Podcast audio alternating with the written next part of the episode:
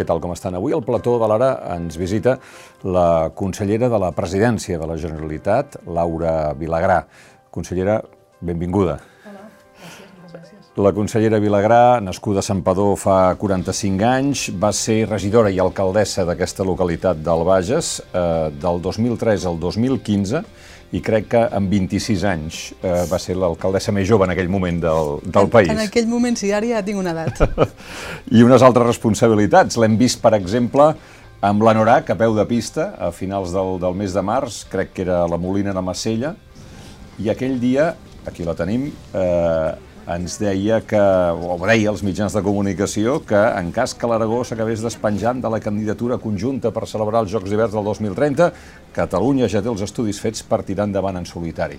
Però, però això no serà així, no? Vull dir, Bé, de moment tenim sobre la taula una proposta tècnica que creiem que és bona i que el que planteja és tots els actius més interessants que tenim a Catalunya, al Pirineu de Catalunya, que és bàsicament la possibilitat de fer l'esquí alpí, l'esnowboard eh, i l'esquí de muntanya, i també doncs, l'hoquei a Barcelona en els, eh, doncs, per exemple, el Sant Jordi o algun altre pavelló metropolità, doncs que ho puguem fer. Ens sembla que aquesta és una bona proposta perquè el nostre plantejament sempre ha estat millorar les instal·lacions que tenim i no construir instal·lacions noves que no tingui sentit a Catalunya, no? i per tant no gastar-nos diners en uns equipaments, per exemple, de salts que tinguessin un impacte econòmic molt important i en canvi que després doncs, realment no hi ha afició, no hi ha eh, diguem-ne possibilitats de, de que hi hagi esportistes i en aquest sentit ens semblava ens sembla molt correcta la proposta que hi ha sobre la taula.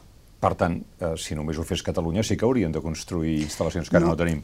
No, no, no. Nosaltres teníem plantejat informes, de fet, que el que deien és de col·laborar amb un altre estat. És a Ah. dir, en aquest sentit, el CIO, no, el Comitè Olímpic Internacional, el que planteja és eh, aprofitar sinergies amb altres territoris, en aquest cas amb un altre estat. Per tant, no seria la candidatura, una candidatura a un Entesos. estat, sinó No seria només catalana, Ah, exacte. sinó que seria catalano-francesa, posem Ah, per cas, o alguna cosa. Ah, bueno, i Sarajevo, no? Exacte, es havia contemplat, o es contempla aquesta possibilitat, ja que a Sarajevo ja s'hi van produir doncs, eh, en fi, un esdeveniment doncs, eh, d'hivern amb uns salts, i ja hi ha un equipament que s'hauria de refer i s'estan avaluant totes aquestes opcions. Per tant, ens sembla interessant aquest nou plantejament més sostenible, més adequat de col·laboració entre estats per fer una candidatura, per justament el que li comentava a l'inici, no? que no féssim equipaments que no caldrien. I ara això com està? Es faran o no es faran? Que, o estan pendents del que digui el president Des, Lamban? després de Setmana Santa tenim una reunió, no, no, estem, no estem pendents de, del president ni el que planteja Aragó, tenim una proposta tècnica tancada, vam esmerçar sis sessions tècniques en elaborar aquesta proposta, Aragó en cap moment va aixecar el dit o va dir quelcom doncs, que estigués en contra d'aquesta proposta i per tant entenem que la proposta està sobre la taula i que és una proposta bona i nosaltres en aquest sentit eh, ens mantenim. Ja, però el president Lamban diu, sí, sí, això ho van pactar els tècnics, però ara falta l'acord polític, i jo no el dono, la- l'acord polític. Bé, vàrem fer una reunió, que en aquest cas amb el Comitè Olímpic i el govern de l'Estat, que és qui finalment, doncs, ells presenten la candidatura, doncs, i ens vàrem mantenir. Per tant, en aquest sentit, políticament, vàrem validar aquesta proposta. Uh, aquí estem, nosaltres estem aquí. Ja ho entenc, però és possible tirar endavant aquest acord tècnic i validat amb el govern de l'Estat i amb el COE si el president de l'Aragó no firma? Bé, això caldrà veure-ho. És a dir, ara aquí qui té la pilota a la seva taulada per valorar doncs, com ha de, en fi, de, de, de, de produir-se el següent pas és el Comitè Olímpic. Jo estic en contacte constant perquè després de tantes sessions de treball, doncs, evidentment, tenim una relació fluida i ens mantenim amb aquesta proposta, que és positiva, que és bona, que entenem que l'Aragó, per l'Aragó, doncs, planteja uns, eh, unes disciplines on ells tenen uns bons equipaments i, per tant, en aquest sentit ens sembla molt correcta la proposta que hi ha sobre la taula. Com es diran aquests jocs? Això encara no ho hem acabat de tancar, però compto que traurem, diguem-ne, l'entrellat aviat, perquè, de fet, eh, doncs, eh, en fi, eh, Pirineus és una marca molt potent, Barcelona és una marca molt potent, i en aquest sentit trobarem l'encaix de, de les paraules segur. O sigui, la proposta de la Generalitat és que hi hagués les paraules Pirineus i Barcelona? Nosaltres això sempre ho hem explicat, ens semblava que és important posar en valor el nostre Pirineu, la nostra muntanya, que la conegui tothom, però també la marca Barcelona és potentíssima a nivell internacional i per tant que l'havíem de, de tenir doncs, eh, molt present com a marca. Però en qualsevol cas li he de dir que no n'hem parlat a fons, diguem-ne, eh, ha sigut tot molt superficial en aquest sentit i per tant ara no li puc avançar res més. Ja. I seria un element de negociació amb, per tancar l'acord finalment amb l'Envan, no sé, afegir el nom de Pirineu Aragonès o de Saragossa o de concedir una cerimònia d'obertura o de clausura a l'Aragó? No n'hem parlat, però òbviament nosaltres sempre presentem propostes eh, sensates que evidentment eh, plantegen el lideratge eh, català i de Barcelona, però en qualsevol cas eh, crec que no seria aquest el problema, que ens mm. podríem posar d'acord fins i tot amb aquests temes. Vostè creu que hi haurà neu el 2030 al Pirineu? Nosaltres tenim estudis en aquests moments que el que ens diuen és que la neu retrocedeix uns metres Eh, evidentment, eh? globalment, no aquí a tot el món, diguem és un tema global, però en qualsevol cas que on plantegem de fer els jocs continuarà havent-hi neu. Per tant, en aquest sentit, eh, en fi, estem treballant eh, intensament amb, amb acció climàtica aquest aspecte. Volem, i hem explicat moltes vegades que aquests jocs seran sostenibles o no seran per molts motius, eh, des d'un punt de vista de sostenibilitat, de valorar, doncs, eh, en fi, tot el que em comentava de neu, però molts altres aspectes vinculats a com eh, doncs, desenvoluparem eh, les sessions dels Jocs, però no només les sessions dels Jocs. És a dir, nosaltres expliquem que tenim una estratègia pel Pirineu de desenvolupament i que, òbviament, una pota pot ser aquesta candidatura si la guanyem i per això estem aquí doncs, treballant intensament, però que en qualsevol cas eh, pels Pirineus hi han de passar moltes coses vinculades a temes de mobilitat, de connectivitat, de millora d'energies renovables doncs, eh, en espais eh, importants per ells, eh, de recuperació d'hidroelèctriques que en aquests moments doncs, tenim eh, en encara en mans privades. És a dir, allà hi han de passar moltes coses i, efectivament, una de les potes és els jocs, però va relacionat molts deures que tenim per fer als Pirineus. Ja, I que hagin de ser una altra vegada uns Jocs Olímpics o un, un gran esdeveniment internacional al motor d'aquests canvis, no és una mica una vergonya per tots plegats, sobretot per l'Estat? Mm, en aquest sentit, nosaltres diem que ho farem hi haguin jocs o no hi haguin jocs. És a dir, que hem definit una estratègia que tots els departaments ens han posat per, sobre la taula, per exemple, una agenda rural en el cas d'Acció Climàtica i Agricultura, que toca molts aspectes importants per, per eh, en aquest cas, doncs, tot el Pirineu, però especialment a la vegueria de l'Alt Pirineu i l'Aran, i en aquest sentit la desenvoluparem igual, òbviament, o bé eh, aspectes vinculats a connectivitat, que evidentment encara no tenim resolts a tots els indrets i a tots els municipis municipis del Pirineu i això ha de ser així, ha de ser una realitat, o aspectes vinculats a serveis hospitalaris o de molts altres doncs, eh, conceptes. Sí que és cert que hi ha altres equipaments estatals, com podrien ser la R3, no? en el cas de la, de la, de la, la del tren, no? de la línia de tren, que s'ha de desdoblar, que com saben doncs, té una mancança absoluta, o bé una part de carretera que ens, en, ens connecta amb, amb l'Aran. No? I per tant, eh, bé, l'Estat ha dit que les prioritzarà eh, en aquest sentit doncs, eh, sí, com, jocs. impuls, com impuls de jocs. A nosaltres ens sembla que s'ha de desvincular. A nosaltres ens sembla que la R3 és evident que s'ha de desdoblar sí o sí, el més aviat possible i que no podem tenir uns territoris eh, tan importants, tan mal connectats encara per via doncs, de transport públic ferroviari. No? I per tant, en aquest sentit, eh, hi serem per, per pressionar i perquè això sigui realitat. Això vol dir que el govern de Catalunya compta que el 2030 Catalunya encara serà Espanya? Nosaltres treballem intensament cada dia eh, per alliberar aquest país i ho fem doncs, eh, de diferents maneres, però en qualsevol cas eh, obrirem quan sigui el moment de que s'obri la finestra d'oportunitat, allà hi serem. No sé si serà el 2030, si serà el 2025, eh, però en qualsevol cas nosaltres, òbviament, som un govern independentista, un govern republicà, i treballem perquè això sigui possible i que quan hi hagi la finestra d'oportunitat eh, doncs puguem fer doncs, el salt definitiu.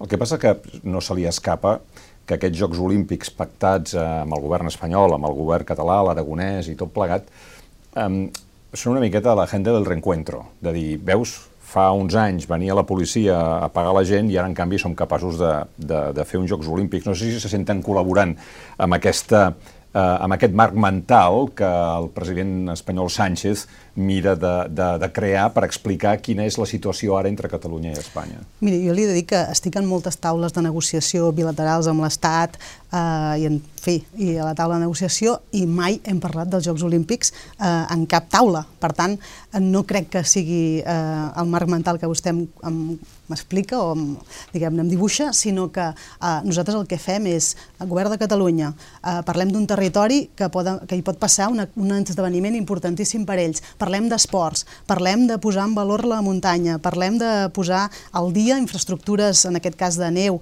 o altres, diguem-ne, que serveixin per desenvolupar un territori que ha apostat, almenys fins ara, doncs, per aquests esports de neu i d'hivern. Per tant, el que diem és això, és a dir, el que, eh, diguem aquesta candidatura va és d'esport i és d'aprofitar les oportunitats d'uns recursos eh, que no vindrien d'una altra manera. És a dir, si el Pirineu pot aconseguir, diguem-ne, no sé, uns milions d'euros perquè eh, ens, diguem-ne, la, la candidatura ens els situa per inversions esportives, doncs és evident que no vindrien per una altra cosa i no vindran si no hi ha Jocs Olímpics. I per tant, el que fem és aprofitar aquesta oportunitat i ens sembla que no la podem deixar es escapar. I una altra cosa, això ens serveix per parlar més que mai de Pirineus. És a dir, una candidatura de Jocs Olímpics ens ha servit perquè vostè i jo comencéssim avui aquesta entrevista parlant de Pirineus. Segur, segur, n'estic convençuda, que si no fos pels Jocs Olímpics no m'hagués fet cap pregunta en relació al Pirineu, potser en tota l'entrevista, potser sí, eh? Diguem, ara faig una, una suposició totalment tendenciosa, però, però és cert, és a dir, arrel de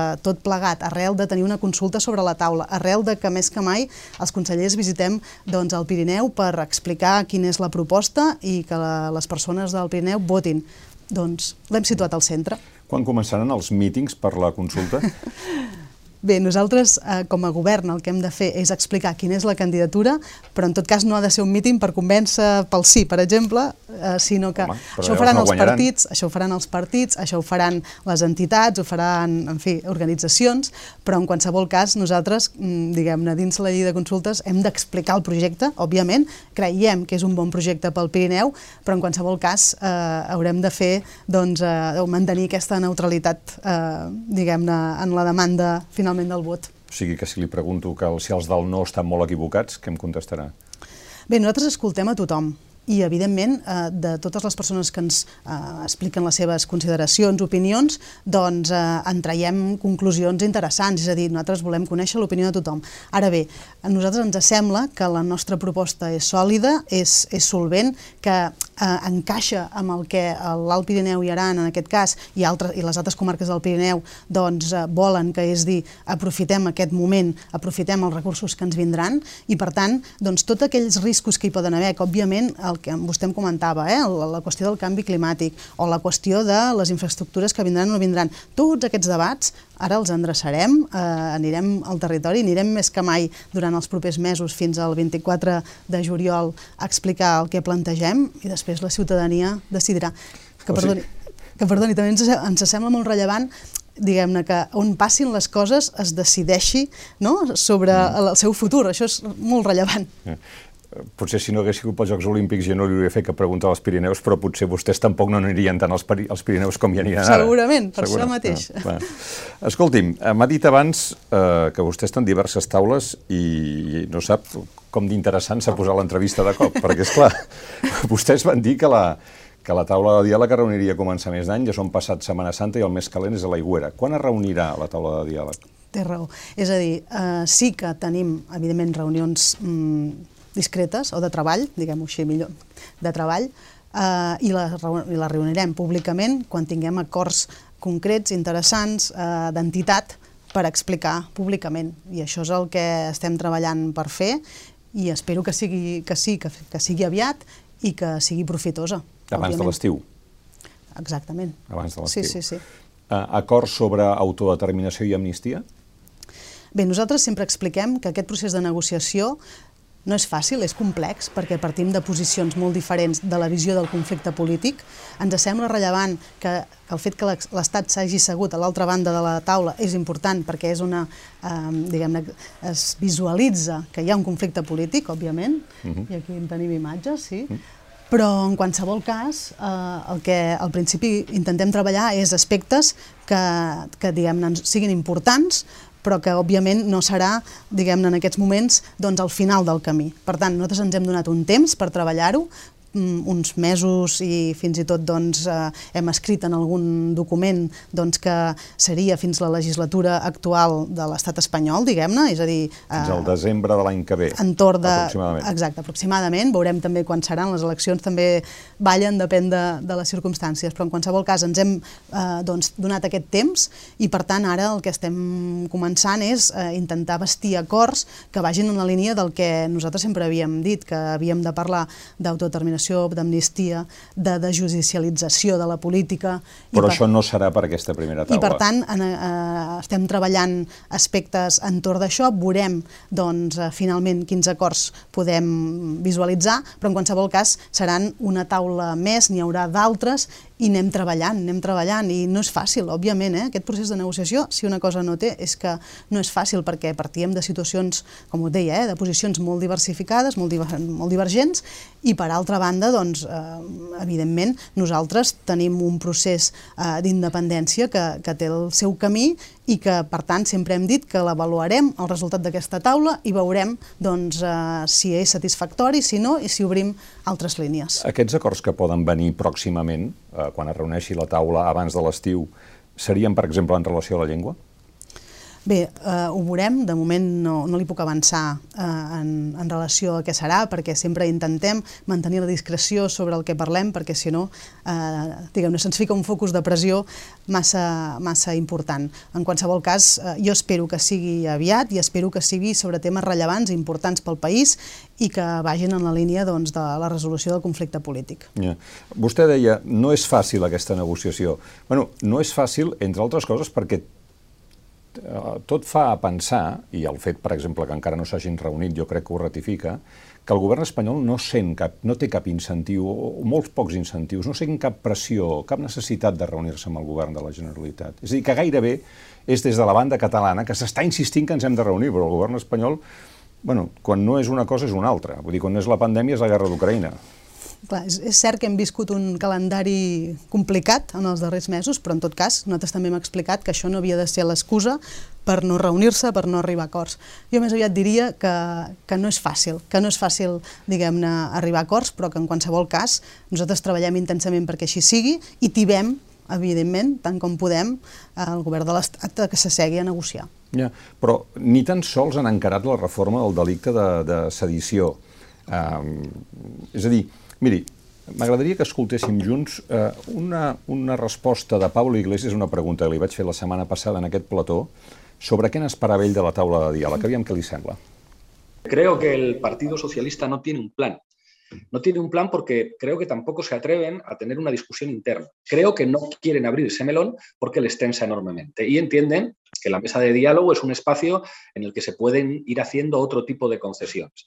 Las primeras creo que eran muy evidentes y tenían que ver con lo represivo, es decir, cuando hay gente que está en la cárcel, pues lo fundamental es trabajar la cuestión de los indultos, sigue habiendo un problema con, con, los exiliados, es bueno que exista esa mesa, porque sería mucho peor que no existiera, pero creo que tendrá que haber un momento en el que las fuerzas políticas que, pues digamos que permitieron la investidura de Pedro Sánchez y del primer gobierno de coalición en la historia de nuestro país, asumen que tienen tareas de Estado y tareas de transición del propio Estado donde la cuestión territorial va a estar encima de la mesa. Esquerra Republicana és un dels partits que va facilitar la investidura de, de Pedro Sánchez. Fixis, el PSOE no té un pla per una taula de, de diàleg, i està d'acord? Bé, de fet, Podemos també hi és a la taula de diàleg, i ells mateixos van ser, com a grup polític qui van plantejar la possibilitat de la modificació del, del delicte de sedició. Tampoc ho hem vist, això. Per tant, diguem-ne que mm, és cert el que comenta doncs, el Pablo Iglesias, però en qualsevol cas, diguem-ne que Podemos també pot empènyer molt més, eh? i que esperem que, que, que sigui així també. Uh, I per tant, doncs, Esquerra Republicana el que fa sempre és uh, obligar a seure el Partit Socialista a la taula. És a dir, el Partit Socialista se li obliga a negociar en aquest sentit, eh? és a dir, ho posem sobre la taula per la investidura. Uh, com deia vostè, probablement per iniciativa pròpia eh, no seria així però, mm, en fi, eh, hem d'exaurir totes les possibilitats. Nosaltres sempre expliquem que quan va sortir doncs, l'informe del Consell d'Europa, del, del Consell on hi ha tots els parlamentaris europeus i parlamentàries, ens deia aquell informe que s'havia d'acabar la repressió, que s'havia d'obrir una etapa de negociació, però nosaltres també ens ho deia. A, a la banda catalana també ens deia que obríssim una etapa de negociació. Per tant, nosaltres exaurim aquesta opció, que en aquests moments ens sembla que és vàlida, que costa molt, com li deia, però l'hem d'exaurir. I com a mínim, eh, diguem-ne, donar-nos aquest marge i després avaluar-ho.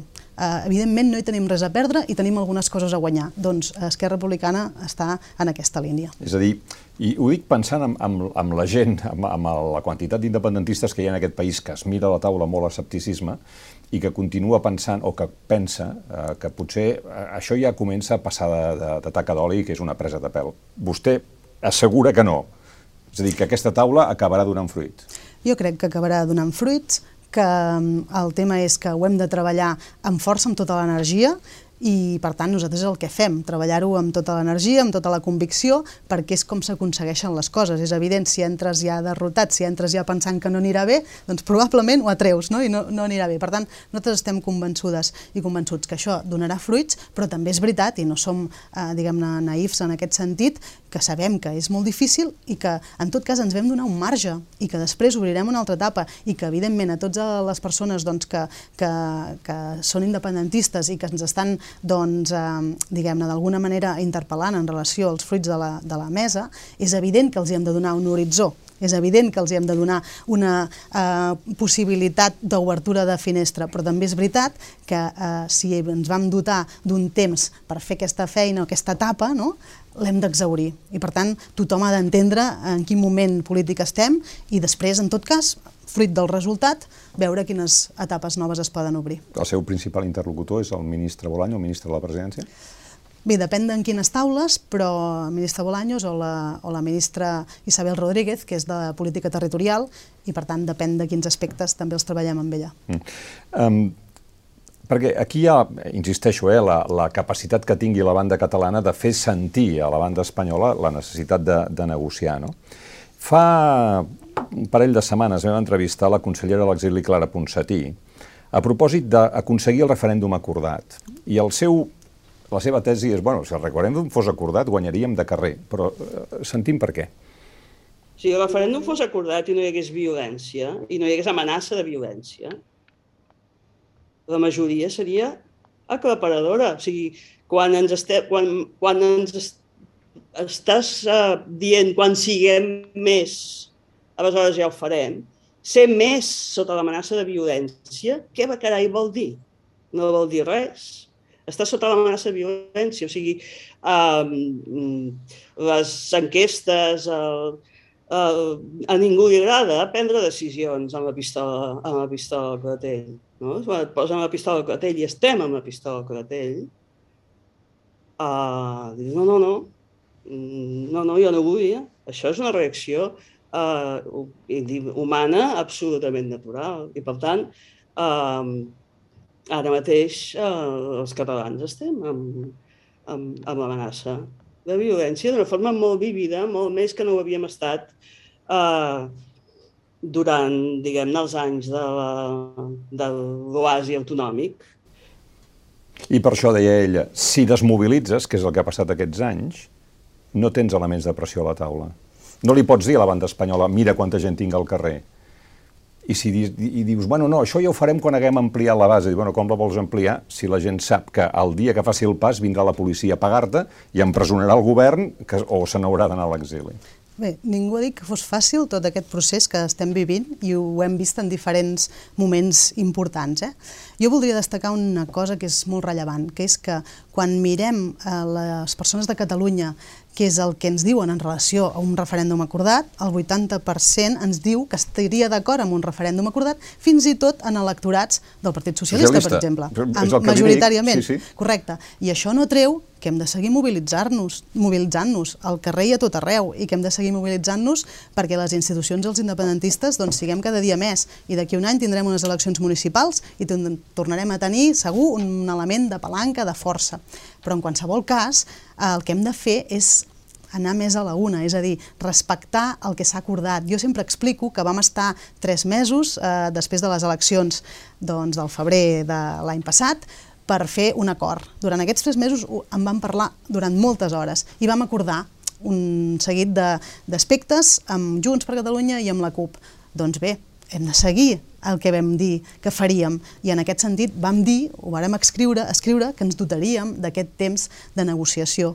I això no ha de desmobilitzar ningú, al contrari, al carrer hem de ser sempre els màxims possibles, els eh, més motivats i motivades, però en qualsevol cas el que hem de fer és no fer-nos fer-nos trets al peu, no? És a dir, no eh, mirar-nos de reull, eh, no pensar que com que la mesa no funcionarà perquè això és una proposta d'Esquerra Republicana, després guanyaré una posició política partidista més interessant. Això és el que ens treu força.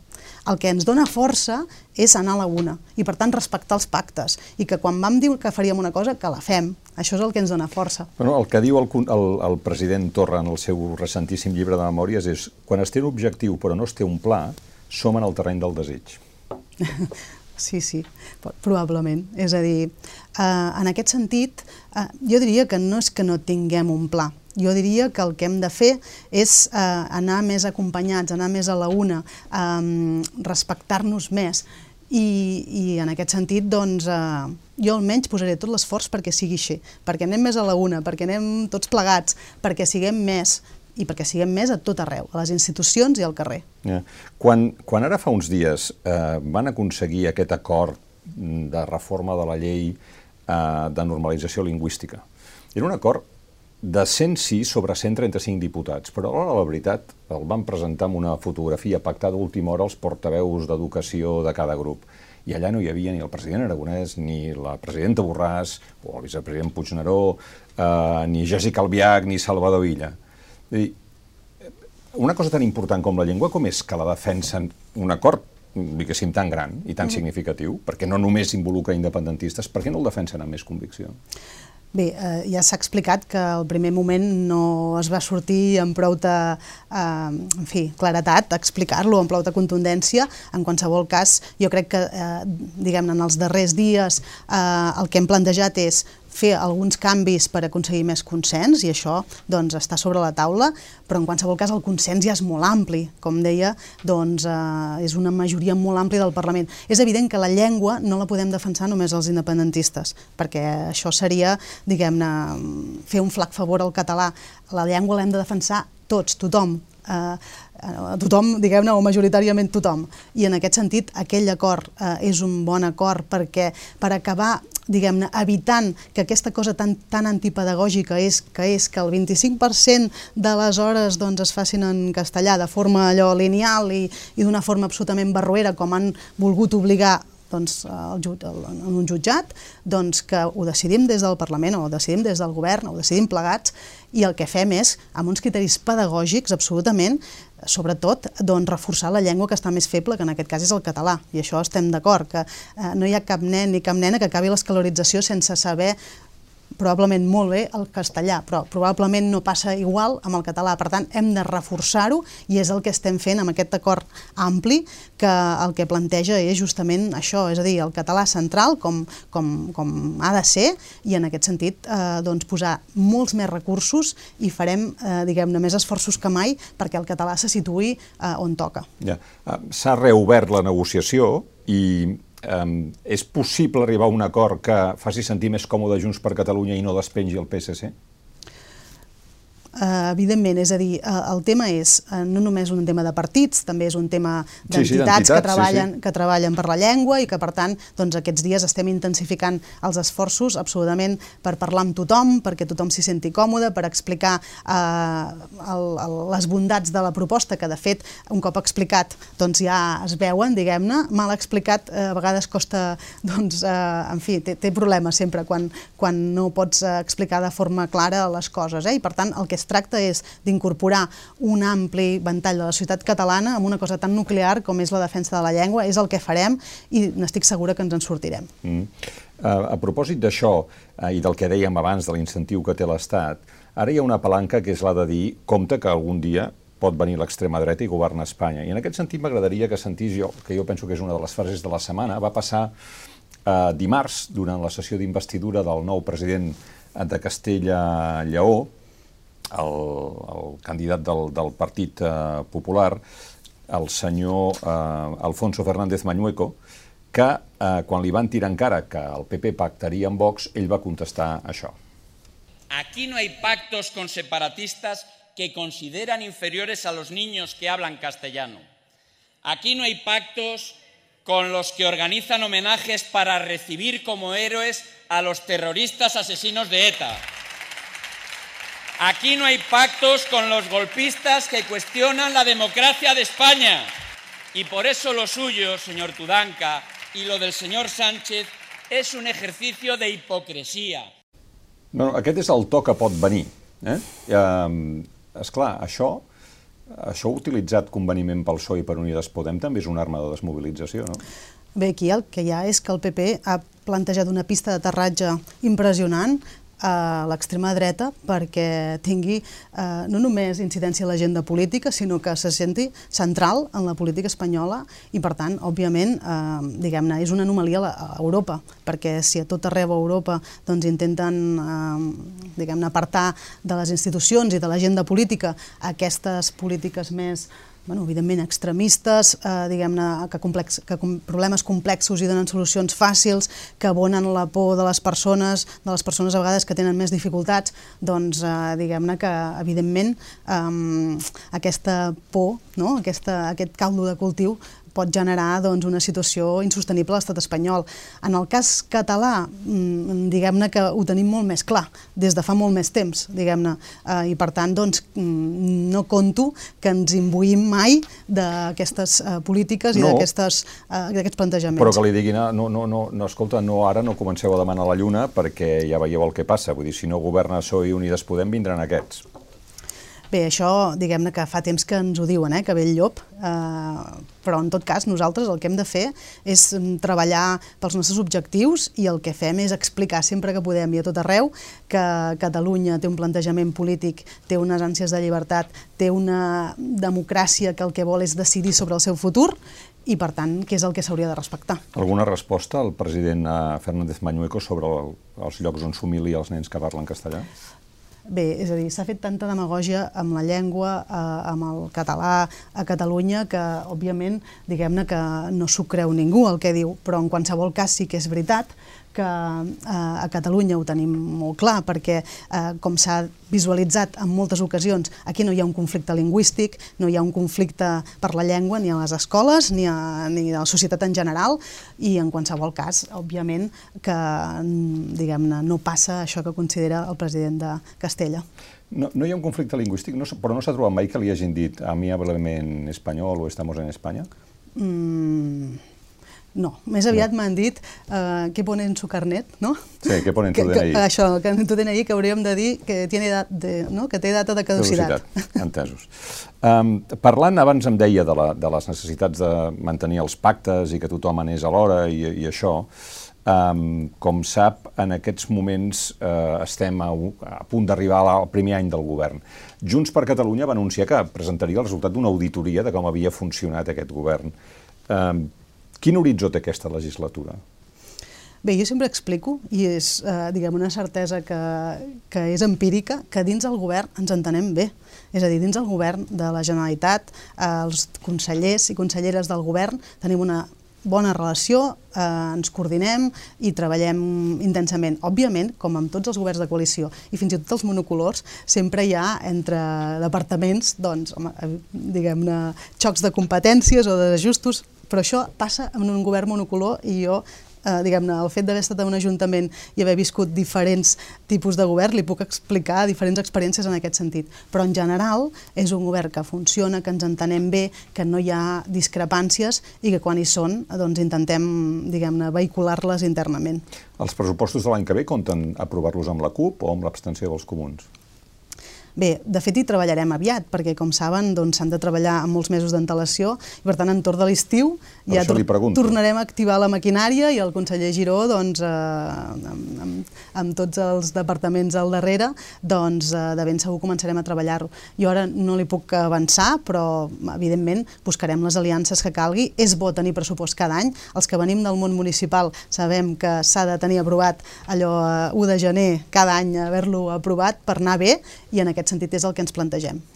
Es manté la qüestió de confiança a mig mandat que van assumir en el pacte de, de, de formació de govern amb el president Aragonès?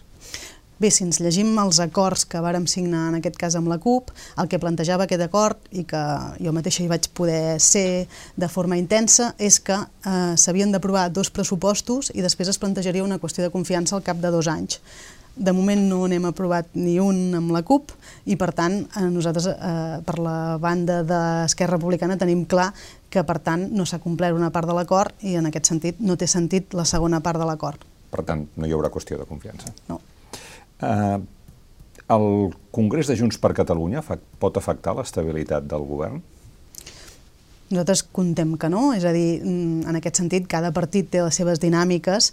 Eh, Esquerra Republicana, doncs, eh, fa poc vam fer una conferència nacional, vam marcar doncs, un, un document, un, un full de ruta, eh, es va aprovar amb una àmplia majoria i, per tant, doncs, eh, això no afecta el govern, com tampoc pensem que afectarà el govern doncs, el Congrés de Junts per Catalunya i que, en aquest cas, doncs, segur que pel que hem llegit hi haurà nous interlocutors i nous lideratges, però en qualsevol cas eh, ens sembla que el govern no ens ha d'afectar. Si finalment s'obre judici oral contra la presidenta del Parlament, el govern està preparat per fixar una posició comuna? Bé, en aquest cas no és tant el govern com els grups parlamentaris, perquè inicialment seran els grups parlamentaris qui, qui en tot cas haurien d'aplicar aquell article que suspendria o no, mm, no efectes sí. de de, de, de, en fi, de, del, que, del que expressa doncs, la presidenta, però estic segura que arribarem a un acord i per tant doncs, que no hi haurà un acord parlamentari i que per tant no hi haurà discrepàncies en aquest sentit. Ja, aquesta, aquesta instrucció d'aquest judici és una qüestió eh, que afecta només Laura Borràs o forma part de la causa general contra l'independentisme? Bé, en aquest cas, eh, jo la lletra petita no la sé, no l'he llegit, he llegit, mm, diguem-ne, coses eh, que han pogut sortir a la premsa o, que han, o algun document fins i tot, però en qualsevol cas eh, el que és cert és que el, diguem les peticions diguem-ne són molt exagerades, s'ha de veure doncs, si hi ha base o no hi ha base, però en qualsevol cas sí que eh, diguem-ne em sembla eh, molt exagerat a la petició de, de, de condemna. Mm. Acabo. És normal que només el 41% dels catalans sàpiguen que Pere Aragonès és l'actual president de la Generalitat, segons l'enquesta del CEO? Bé, eren els que sabien dir el nom, com si diguéssim, és a dir, sabien uh, dir el nom. Sí, digui'm el nom del president ah, exacte, de la Generalitat. Sí. Exacte, que Només és una mica diferent a dir que la coneixen, perquè si li pregunta a un ciutadà si coneix el president Aragonès, segur que li diu que sí, per tant el percentatge puja més, en aquest cas Eh, la, la pregunta era més, una mica més complicada, però en qualsevol cas, sí, eh, evidentment el, el president Aragonès porta un any de mandat i els nivells de, creix, de creixement, de coneixement, pugen, pugen molt i pugen exponencialment. Ell sempre explica que canvia molt ser conseller a ser president, no? o en el seu cas era vicepresident, a, a, a president, i per tant és una qüestió de temps que aquestes xifres creixin, n'estic convençuda. No, és que ho preguntin l'any que ve i aviam, aviam què és el que surt. Consellera Vilagrà, moltes gràcies per haver passat per l'ara. Gràcies a vosaltres. I a vostès també gràcies per haver-nos vist. Si ens volen fer arribar els seus comentaris seran, com sempre, benvinguts. Fins una pròxima ocasió.